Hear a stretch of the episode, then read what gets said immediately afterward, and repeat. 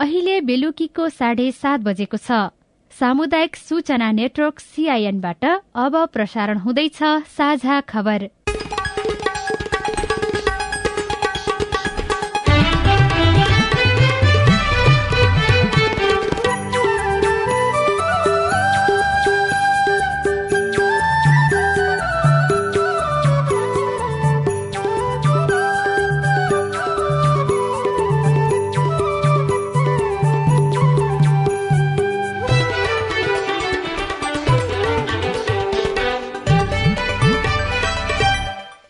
सीआईएनको साझा खबरबाट सोभिता रिसालको नमस्कार। साझा खबर देशभरिका सामुदायिक radio CIN Khabar dot com र मोबाइल एप सीआईएनमा पनि सुन्न सकिन्छ।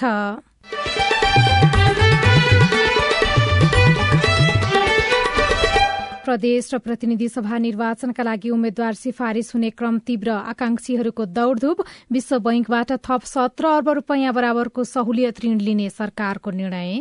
एक सय चालिस मिलियन अमेरिकी डलर करिब रु सत्र अर्ब सहुलियत ऋण स्वीकार गर्ने।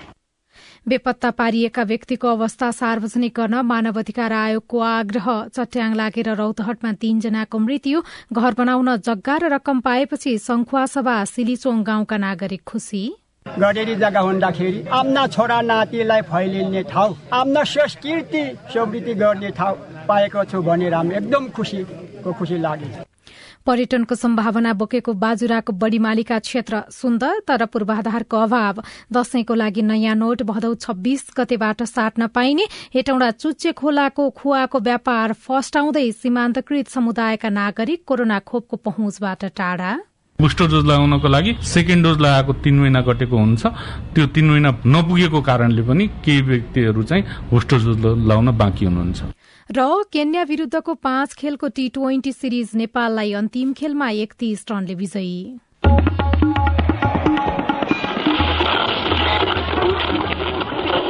सयौं रेडियो। हजारौं रेडियो कर्मी र करोड़ौं नेपालीको माझमा यो हो सामुदायिक सूचना नेटवर्क सीआईएन नेपालको सरकारी शिक्षामा चरम राजनीतिक हस्तक्षेप बढ़दै गएको छ। विद्यालयबाट शुरू भएको राजनीति विश्वविद्यालयसम्म पुग्दा घट्नुको साटो झनै फस्टाउँछ शिक्षक नियुक्तिमा योग्यता भन्दा राजनीतिक दलको निकटता हेरिन्छ। यसले विद्यालयदेखि विश्वविद्यालयसम्मको शैक्षिक वातावरण र गुणस्तर बिग्रिरहेको छ। यसलाई रोक्न शिक्षक तथा पदाधिकारी नियुक्ति गर्दा हुने राजनीतिको अन्त्य गर्नुपर्छ। अब खबर अविनाश आचार्यबाट। सरकारले विश्व बैंक समूहको अन्तर्राष्ट्रिय विकास संस्थाबाट डिजिटल नेपाल एक्सलरेशन परियोजनाका लागि सत्र अर्ब रूपियाँ बराबरको सहुलियत ऋण लिने भएको छ। मन्त्री परिषदको हिजोको बैठकको निर्णय आज सार्वजनिक गर्दै संचार तथा सूचना प्रविधि मन्त्री ज्ञानेन्द्र बहादुर कार्कीले परियोजनाका लागि सत्र अर्ब रूपियाँ सहुलियतपूर्ण ऋण स्वीकार गर्ने निर्णय गर्नुभएको गरेको बताउनुभयो। बैठकले आर्थिक वर्ष दुई हजार उना अस्सी अस्सीका लागि उद्योग वाणिज्य तथा आपूर्ति मन्त्रालय अन्तर्गतका आयोजनाहरूका लागि राजपत्राङ्कित स्तरका अठाइस र सातौं तहका दुई गरी जम्मा तीस पदको अस्थायी दरबन्दी स्वीकृत गरेको छ। त्यस्तै आर्थिक वर्ष दुई हजार उना अस्सी अस्सीका लागि ऊर्जा जलस्रोत तथा सिंचाई मन्त्रालय मातहतका आयोजनाका लागि विभिन्न श्रेणीका राजपत्राङ्कित अधिकृत तहका चार सय एकतीस पदहरूको अस्थायी दरबन्दी स्वीकृत गर्ने निर्णय भएको पनि मन्त्री कार्कीले जानकारी जानकारी दिनुभयो विश्व बैंक समूहको अन्तर्राष्ट्रिय विकास संस्थाबाट डिजिटल नेपाल एक्सलरेशन परियोजनाको लागि एक सय चालिस मिलियन अमेरिकी डलर करिब रु सत्र अर्ब सहुलियत ऋण स्वीकार गर्ने। आर्थिक वर्ष उनासी अस्सीको लागि उद्योग वाणिज्य तथा आपूर्ति मन्त्रालय अन्तर्गतका आयोजनाहरूका लागि राजपत्राङ्कित स्तरका अठाइस र सातौं तहका दुई गरी तीस पदको अस्थायी दरबन्दी स्वीकृत गर्ने। आर्थिक वर्ष दुई हजार उना अस्सी अस्सीको लागि कृषि तथा पशुपन्छी विकास मन्त्रालय अन्तर्गत संचालित विभिन्न आयोजनाहरूका लागि पचास राजपत्राङ्कित पदहरूको अस्थायी दरबन्दी स्वीकृत गर्ने निर्णय पनि भएको छ।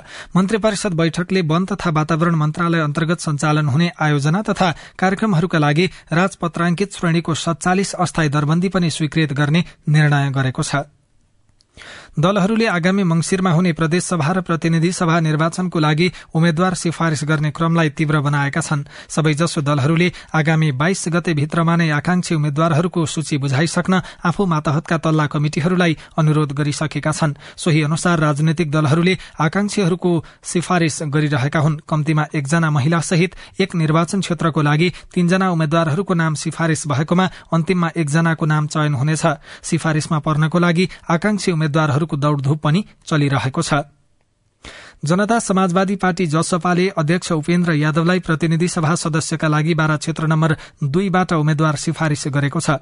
जसपाको बारा क्षेत्र नम्बर दुई कमिटिको बैठकले यादवको नाम सिफारिश गरेको हो। उहाँसँगै राम सहाय प्रसाद यादव र प्रयाग रायको नाम पनि सोही क्षेत्रबाट सिफारिश भएको छ।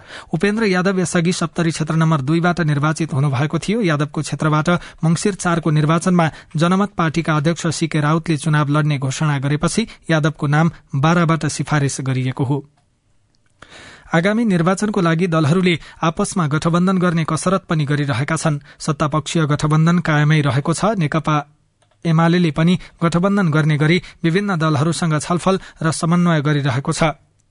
तर वामपन्थी दलहरू बीचमा भने तत्काल गठबन्धन र एकता दुवै नहुने एमाले प्रमुख सचेतक विशाल भट्टराईले सीआईएनसँग बताउनुभयो। आजका मितिमा मान्छे जे एजम्सन गर्दैछन् निर्वाचनको सन्दर्भमा त्यो स्थिति यथावत रहँदै रहँदैन बिल्कुलै रहँदैन किनभने अगाडिका तथ्यहरूले पनि त्यो कुरा बताउँछन्। स्थानीयमा हालेको मत र राष्ट्रिय चुनावमा हालेको मत वा सरकार बनाउन हालेको मत चाहिँ उस्तै हुँदै हुँदैन किनभने अगाडि पनि त्यस्तै भएको थियो। कता कति सुनिन्छ कांग्रेसबाट माओवादीलाई अलग्याउन सकियो भनेदेखि फेरि पनि वाम गठबन्धनको सम्भावना देखिन्छ भनेर तपाईँहरू त्यो तयारी गरिरहनु भएको छ? त्यो सम्भव छैन यसपल्ट राजनजी किनभने नेकपा माओवादी केन्द्र जे चिजले त्यो ठाउँमा पुगेको हो जे उद्देश्यका लागि पुगेको हो जे नियतले पुगेको छ त्यो उसको नियत उद्देश्य अहिले पनि यथावतै भएको कारणले गर्दा ऊ त्यहाँबाट यता आउँदा पनि आउँदैन र हामी प्रयत्न पनि किन गर्दैनौ भने जब राजनीति नै दुईटा ध्रुवमा विभाजित छ र उहाँहरू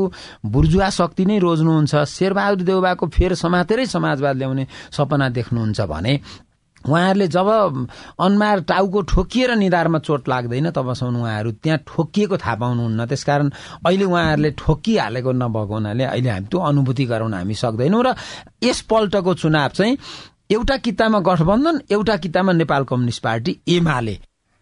नेकपा एमाले राप्रपासँग तालमेलको तयारी गरिरहेको छ। बेपत्ता पारिएका व्यक्तिको अवस्था सार्वजनिक गर्न राष्ट्रिय मानव अधिकार आयोगले माग गरेको छ।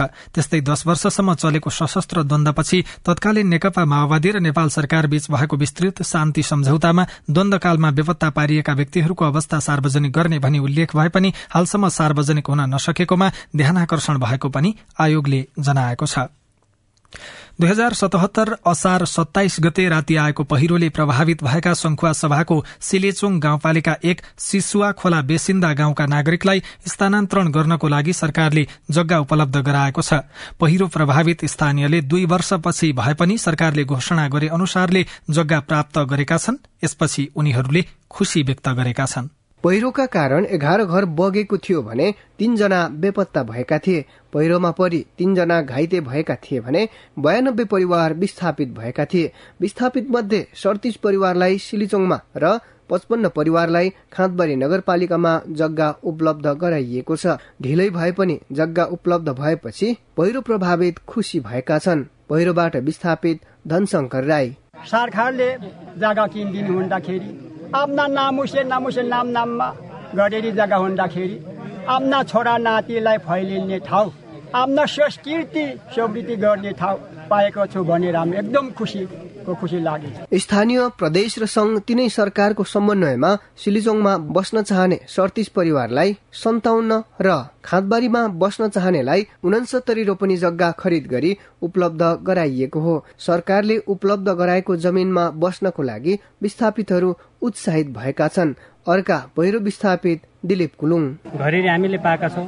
अब यसमा छाप्रो हाल्ने अब खानेपानी यहाँको चाहिँ पूर्वाधारका कुराहरू देखि लिएर चाहिँ अब छाप्रो हाल्नेदेखिका सबै कुराहरू चाहिँ अब स्थानीय सरकार सङ्घ प्रदेशले चाहिँ तुरुन्तै यसको लागि चाहिँ अब गरिदिएदेखि हुने थियो। सरकारले पहिरोबाट विस्थापित भई जग्गा प्राप्त गरेकाहरूको घर निर्माणको लागि प्रति परिवार पाँच लाख पचास हजार रुपियाँ रकम पनि सहयोग गर्ने भएको छ। यो बजेटको सहयोगमा प्रभावितले सरकारले मापदण्ड तोके अनुसारको घर बनाउनु पर्ने जिल्ला विपद व्यवस्थापन समिति अध्यक्ष तथा प्रमुख जिल्ला अधिकारी नुरहरी खतिवड़ाले बताउनुभयो। एउटा घर त्यसरी यहाँ बनिरहँदाखेरि एउटा सहर हुन्छ। यो आफू खुसी बनाउन पाइँदैन। नगरपालिकाको पूर्ण सहयोगमा प्राविधिक सपोर्टमा प्राविधिक सहयोगमा प्राविधिक निगरानीमा नगरपालिकाले तोकेको डिजाइन बमोजिमको घर बनाउनु पर्ने हुन्छ। पहिरोबाट विस्थापितहरूलाई मनसुनजन्य विपद प्रभावितहरूलाई पुनस्थापना गर्ने सम्बन्धी कार्यविधि अनुसार बजेटको व्यवस्था गरी जग्गा खरिद तथा घर निर्माण गर्न लागि हो। सो कार्यविधि अनुसार संघीय सरकारले साठी प्रदेशले तीस र स्थानीय सरकार सिलिचोङ गाउँपालिकाले दस प्रतिशत लगानी गरेको छ। ध्यान कुलुङ सीआईएन सामुदायिक रेडियो खाँदबर एफएम सभा दशैंका लागि नयाँ नोट भदौ छब्बीस गतेदेखि साट्न पाइने भएको छ। दशैं तथा तिहारमा सबैभन्दा बढ़ी नयाँ नोट खपत हुने गरेकाले नेपाल राष्ट्र बैंकले सो समयमा नयाँ नोट साट्न दिने गरेको छ। यस्ता नोट प्रति व्यक्ति अठार हजार पाँच सय रूपियाँसम्म साट्न पाइने नेपाल राष्ट्र बैंकका प्रवक्ता गुणाकर भट्टले बताउनुभयो। चट्याङ लागेर रौतहटमा तीनजनाको मृत्यु भएको छ। गरूडा नगरपालिकामा आज बिहान परेको चट्याङ लागेर अन्य एकजना घाइते भएका छन्। बिहानका समयमा धान खेतमा काम गर्न गएका बेला चट्याङ लागेर उनीहरूको मृत्यु भएको हो। घाइते भएकाको भने गरूडा अस्पतालमा उपचार भइरहेको छ। गरूडा नगरपालिकाका मेयर कन्थमणि प्रसाद जयसवालले चट्याङबाट मृत्यु भएका परिवारलाई क्रिया खर्च बापत पच्चीस हजार सहयोग गर्ने घोषणा गर्नुभएको मधेस जनआवाज एफएम रौतहटले खबर पठाएको छ। साझा खबरको अन्त्यमा खेल खबर। अन्तिम खेलमा घरेलु टोली केन्यालाई एकतीस रनले हराउँदै नेपालले पाँच खेलको टी ट्वेन्टी अन्तर्राष्ट्रिय श्रृंखला तीन दुईले जितेको छ। आजको खेलमा टस जितेर पहिले ब्याटिङ गरेको नेपालले केन्यालाई एक सय छिहत्तर रनको लक्ष्य दिएको थियो। केन्याले सात विकेट गुमाएर एक सय चौवालिस रन मात्र बनाउन सक्यो। अब नेपालले केन्यासँग तीन खेलको एक दिवसीय श्रृंखला खेल्नेछ। र नेपाली राष्ट्रिय फुटबल टोलीको बन्द प्रशिक्षणबाट दश खेलाड़ी बाहिरिएका छन्। अखिल नेपाल फुटबल संघ एन्फाले बन्द प्रशिक्षणमा रहेका चालिस खेलाड़ीबाट आज दश खेलाड़ी बाहिरिएको जनाएको छ। अविनाश आचार्य।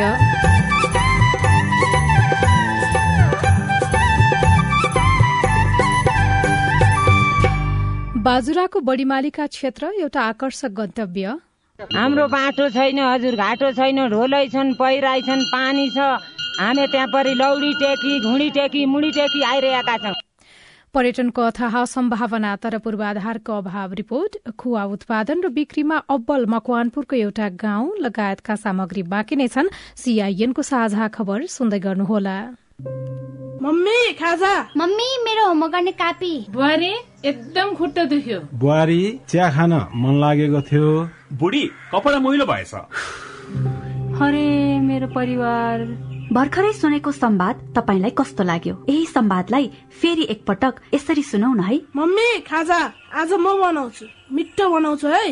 मम्मी मेरो होमवर्क गर्ने कापी मैले खोजिसके। अब म होमवर्क गर्छु। बुहारी एकदम खुट्टा दुख्यो। छोराले तेल तताएर लगाइदिएपछि अलि आराम भयो। बुहारी चिया खान मन लागेको थियो। सबैको लागि बनाएको छु। आऊ सबैजना खान। बुढी कपडा मैलो भएछ। घर नि कस्तो फोहोर। कपडा धोएर भ्याए। अब घर सफा गर्छु। कोरोनाको महामारीबाट बस्न पनि त सरसफाई जरुरी छ नि। आहा मेरो परिवार। तपाईँलाई दोस्रो संवाद कस्तो लाग्यो? पक्कै राम्रो लाग्यो। हो तपाईँ हामी बीच जिम्मेवारी बोध भयो भने एक अर्का बीचको निकटतालाई अझ राम्रो बनाउन सकिन्छ। बाढी चोडी जिम्मेवारी परिवारमा समझदारी। महिला बालबालिका तथा ज्येष्ठ नागरिक मन्त्रालय युएन वुमन ल्याक र अकुराबको सहकार्य।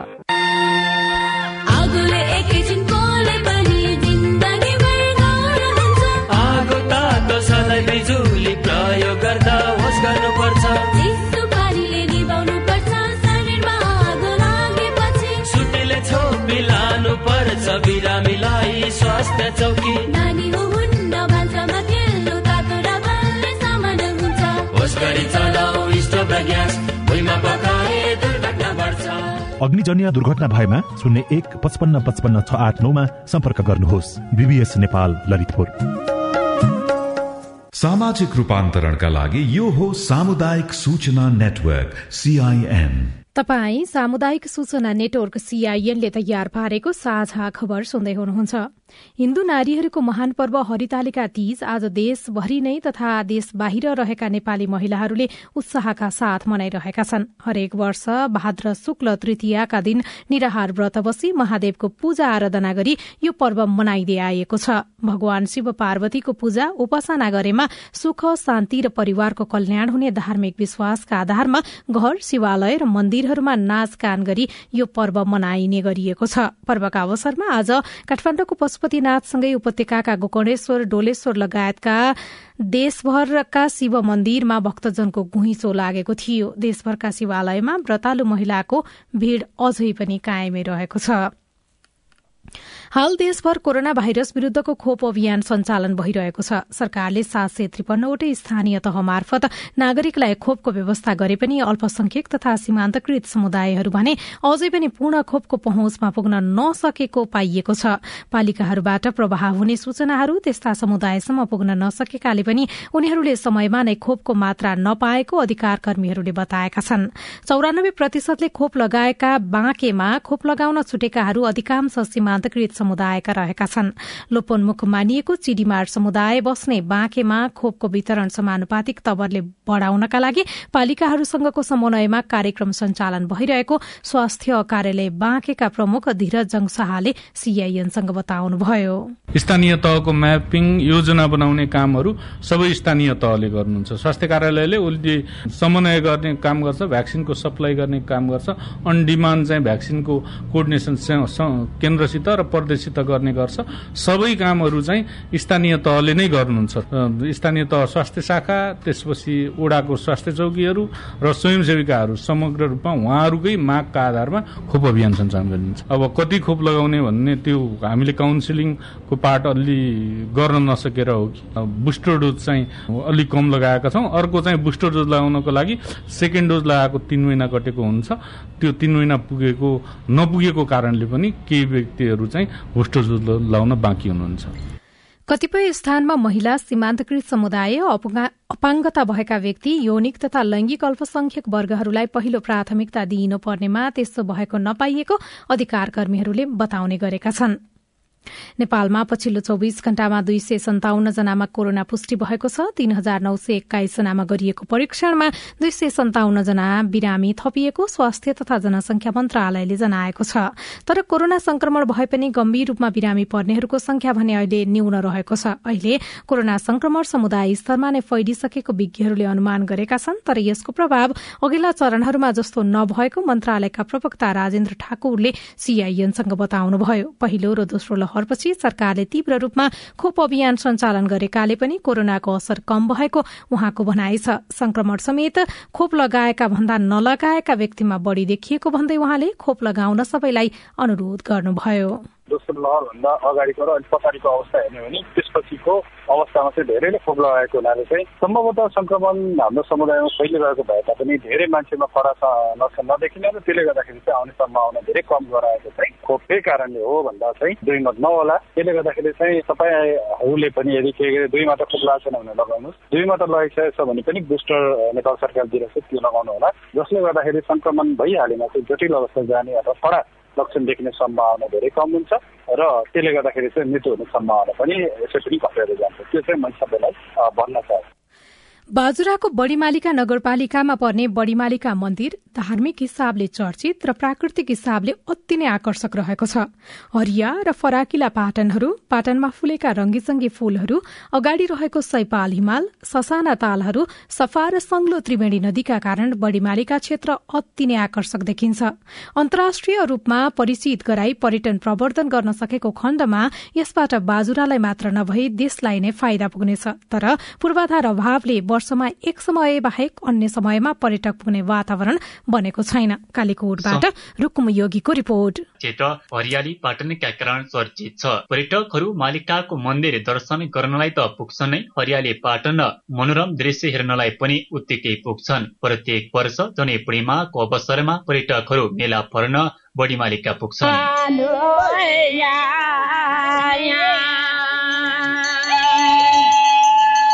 बाजुराको सदरमुकाम मार्तडीबाट तीन दिनको पैदल दूरी पार गरेपछि बडीमालिका पुगिन्छ वा कालीकोडीको सानी त्रिवेणी गाउँपालिकाबाट तीन दिनको यात्रापछि पनि बडीमालिका पुग्न सकिन्छ।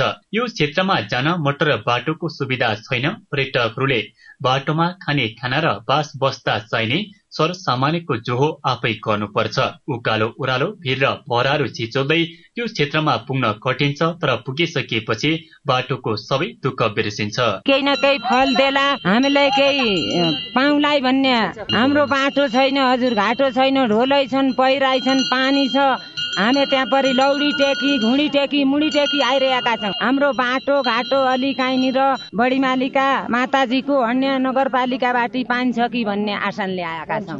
पौराणिक कथा अनुसार शिव र सतीदेवीसँग जोडिएको बडीमालिका क्षेत्रको धार्मिक र प्राकृतिक दुवै हिसाबले पर्यटन प्रवर्धन गर्न सकिन्छ। यहाँ कहिलेबाट मन्दिर बनाइयो र पूजा गर्न सुरु गरियो भने यकिन छैन।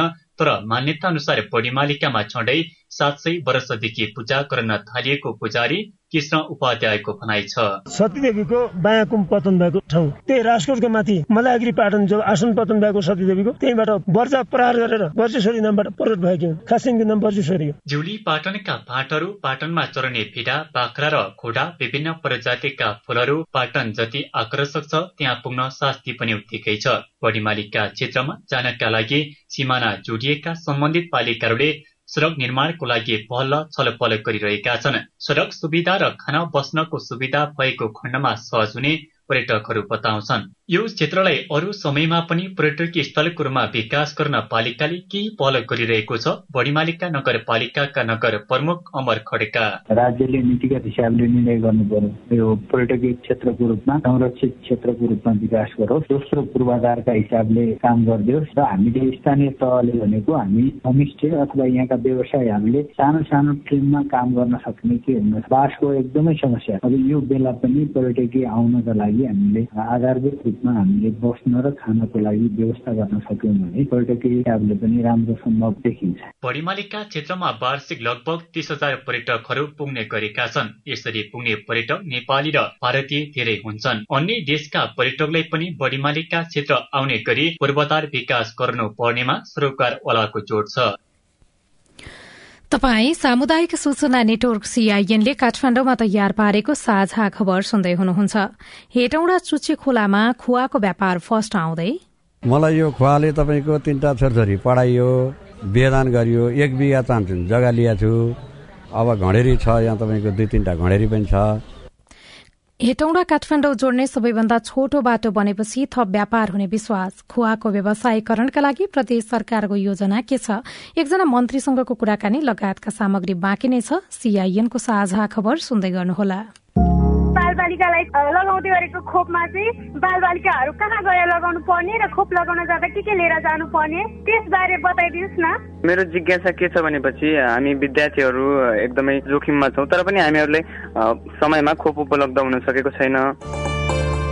कोभिड बारे तपाईँको चासो अब हाम्रो पालोमा। कोभिडसँग जोडिएका थुप्रै बालबालिका तथा युवाहरूका प्रश्न र सरकारवालाको जवाब सहित हरेक आइतबार साँझको साझा खबरमा प्रस्तुत भइरहेको छ हाम्रो पालो। कोभिड पछि घरको बसाई बाल तथा युवा मस्तिष्कमा पर्ने प्रभाव यसले मनोविज्ञानमा पारेको असर कोभिडमा मानव सुरक्षा र कोभिड विरुद्धको खोप लगायत तपाईँलाई लागेको विषयमा हाम्रो आइभीआर नम्बर शून्य एक बान्न साठी छ चार छमा प्रश्न गुनासो तथा प्रतिक्रिया रेकर्ड गराउनुहोला। सरोकारवाला निकायको जवाब सहितको हाम्रो पालो देशभरिका सामुदायिक रेडियोमा प्रसारण भइरहेको छ। सामाजिक रूपान्तरणका लागि यो हो सामुदायिक सूचना नेटवर्क सीआईएन तपाई सामुदायिक सूचना नेटवर्क सीआईएनले काठमाडौँमा तयार पारेको साझा खबर सुन्दै हुनुहुन्छ। दुग्ध व्यवसायीहरूका अनुसार नेपालमा वार्षिक तेइस लाख बाह्र हजार मेट्रिक टन दूध उत्पादन हुन्छ तर उत्पादित दूध मध्ये पन्ध्र प्रतिशत मात्रै बजार पुग्ने गरेको छ। पछिल्ला दिनहरूमा दूध र दुग्धजन्य उत्पादनको माग बढ़िरहँदा गाई भैंसी पाल्ने किसानको संख्यामा पनि बढ़ोत्तरी भएको छ। एकैछिन दूधबाट खुवा बनाएर बिक्री गर्ने मकवानपुरको हेटौँडा उपमहानगरपालिका सत्र चुच्चे खोलाका पौरखीहरूलाई भेटौं। सोमप्रसाद तिमल सिन्हा काभ्रेबाट मकवानपुर झरेको चालिस वर्ष बित्यो। अनि चालिसै वर्ष भयो खुवा बनाएर बेच्न थालेको। सुरुवात चाहिँ हामीबाटै भयो। यो काभ्रेको ढुङ्खर्कमा तपाईँको हामी जन्मेको। अनि त्यहाँबाट एक्लै यसो पाँच सात सय पैसा बोकेर अनि घरबाट अब एक्लै हिँडेको। तपाईँ? एक्लै हिँडियो। यहाँ आएर चिया पसल सुरु गरियो। अनि व्यवहारिक यतै गरियो। अब घर जम गरियो। जग्गा जमिन अलिअलि किनियो। अब नाति नातिना भइसक्यो अब चाहिँ अलिक काम गर्न गाह्रो गाह्रो पर्छ। एका बिहानै सुरु हुन्छ खुवा घोट्ने काम। दुध ठूलो कराई अगेनो र दाउरा सोमप्रसादका वर्षौंदेखिका सारथी हुन्। परिवारका सदस्यलाई पनि जागिर खोज्दै हिँड्नु परेको छैन। हुन पनि दिनमै पचास किलो भन्दा बढी खुवा उत्पादन र बिक्री हुन्छ। चाडपर्वमा सत्तरी अस्सी किलो साठी किलो बनाउँछु। अहिले चाहिँ अलि चाडपर्व छैन। अहिले तिस चालिस किलो पैँतिस किलो त्यस्तै बनाउँछु। अनि यो खुवा बनाउनुको लागि दुधको जोहो चाहिँ कहाँबाट गर्नुहुन्छ? दुधको जोहो चाहिँ तपाईँको फारमहरू छन् पाँच सातवटा। अनि भनेको बेला पैसा दिइन्छ। डेरीमा भन्दा मैले बिस रुपियाँ लिटरमा बढिदिन्छु। अनि त्यसले गर्दाखेरि त्यो फार्मरले दुध मैकामा ल्याइदिन्छ। काभ्रेको ढुङ्गे खर्कबाट मकवानपुरको चुच्चे खोला झर्दा सोमप्रसादका दाजुभाइ झरेका थिए। अहिले यिनै दुई परिवारको सिको गर्दै अरूले पनि खुवा व्यवसायलाई जीवन गुजाराको माध्यम बनाएका छन्। खुवाका लागि चुच्चे खोलाले प्रसिद्धि कमाउँदै गर्दा सोमप्रसादसँग अहिले जे कुरा उपलब्धिको रूपमा छ त्यो खुवाकै कारण सम्भव भएको हो। मलाई यो खुवाले तपाईँको तिनवटा छोरछोरी पढाइयो वेदान गरियो एक बिघा चाहन्छु जग्गा लिएको छु। अब घडेरी छ यहाँ तपाईँको दुई तिनवटा घडेरी पनि छ। बुहारी पनि तपाईँको अब एउटा कान्छी बुहारी क्यानाडा पठाइयो यही कमाइबाट पठाइयो। अहिले अरूको ऋण लिनु परेको छैन। आफूलाई चाहिएको पैसा दस बिस हजार चाहिँदा माग्न जानु पर्दैन। आफू बराली जाने बराली जाने घरका परिवार पनि कोही पनि बराली जान सबै यहाँ काम गर्छन्। नेपालमा दैनिक अडचालिस लाख लिटर दुध उत्पादन हुने गरेको छ। उत्पादित दुधमध्ये पन्ध्र प्रतिशत औपचारिक क्षेत्र पैंतिस प्रतिशत अनौपचारिक क्षेत्र र पचास प्रतिशत किसान आफैले उपभोग गर्ने गरेका छन्। त्यही अनौपचारिक क्षेत्रमा पर्छ खुवा उत्पादन। चुच्चे खोलाका खुवा व्यवसायीकै कारण स्थानीय किसान पनि व्यावसायिक भैँसी पालनमा जोडिएका छन्। स्थानीय खुवा व्यवसायी सावित्रा तिमल सिन्हा। भएको छ नि। पहिला त अब यसको भाउ नै थिएन हाम्रो किसानहरूको। अब यहाँ आएर दिइसकेपछि चाहिँ हामीले नै अब यो जुन क्वालिटी अनुसारको उनीहरूले दुध ल्याएर खनाउँछन् होइन त्यो अनुसार रेट पनि पाउँछन्। हामीले जस्तो कि धेरै बोनस नराखिकन उनीहरूलाई पनि दिएर मार्जिन हुन्छ भन्नुपर्छ।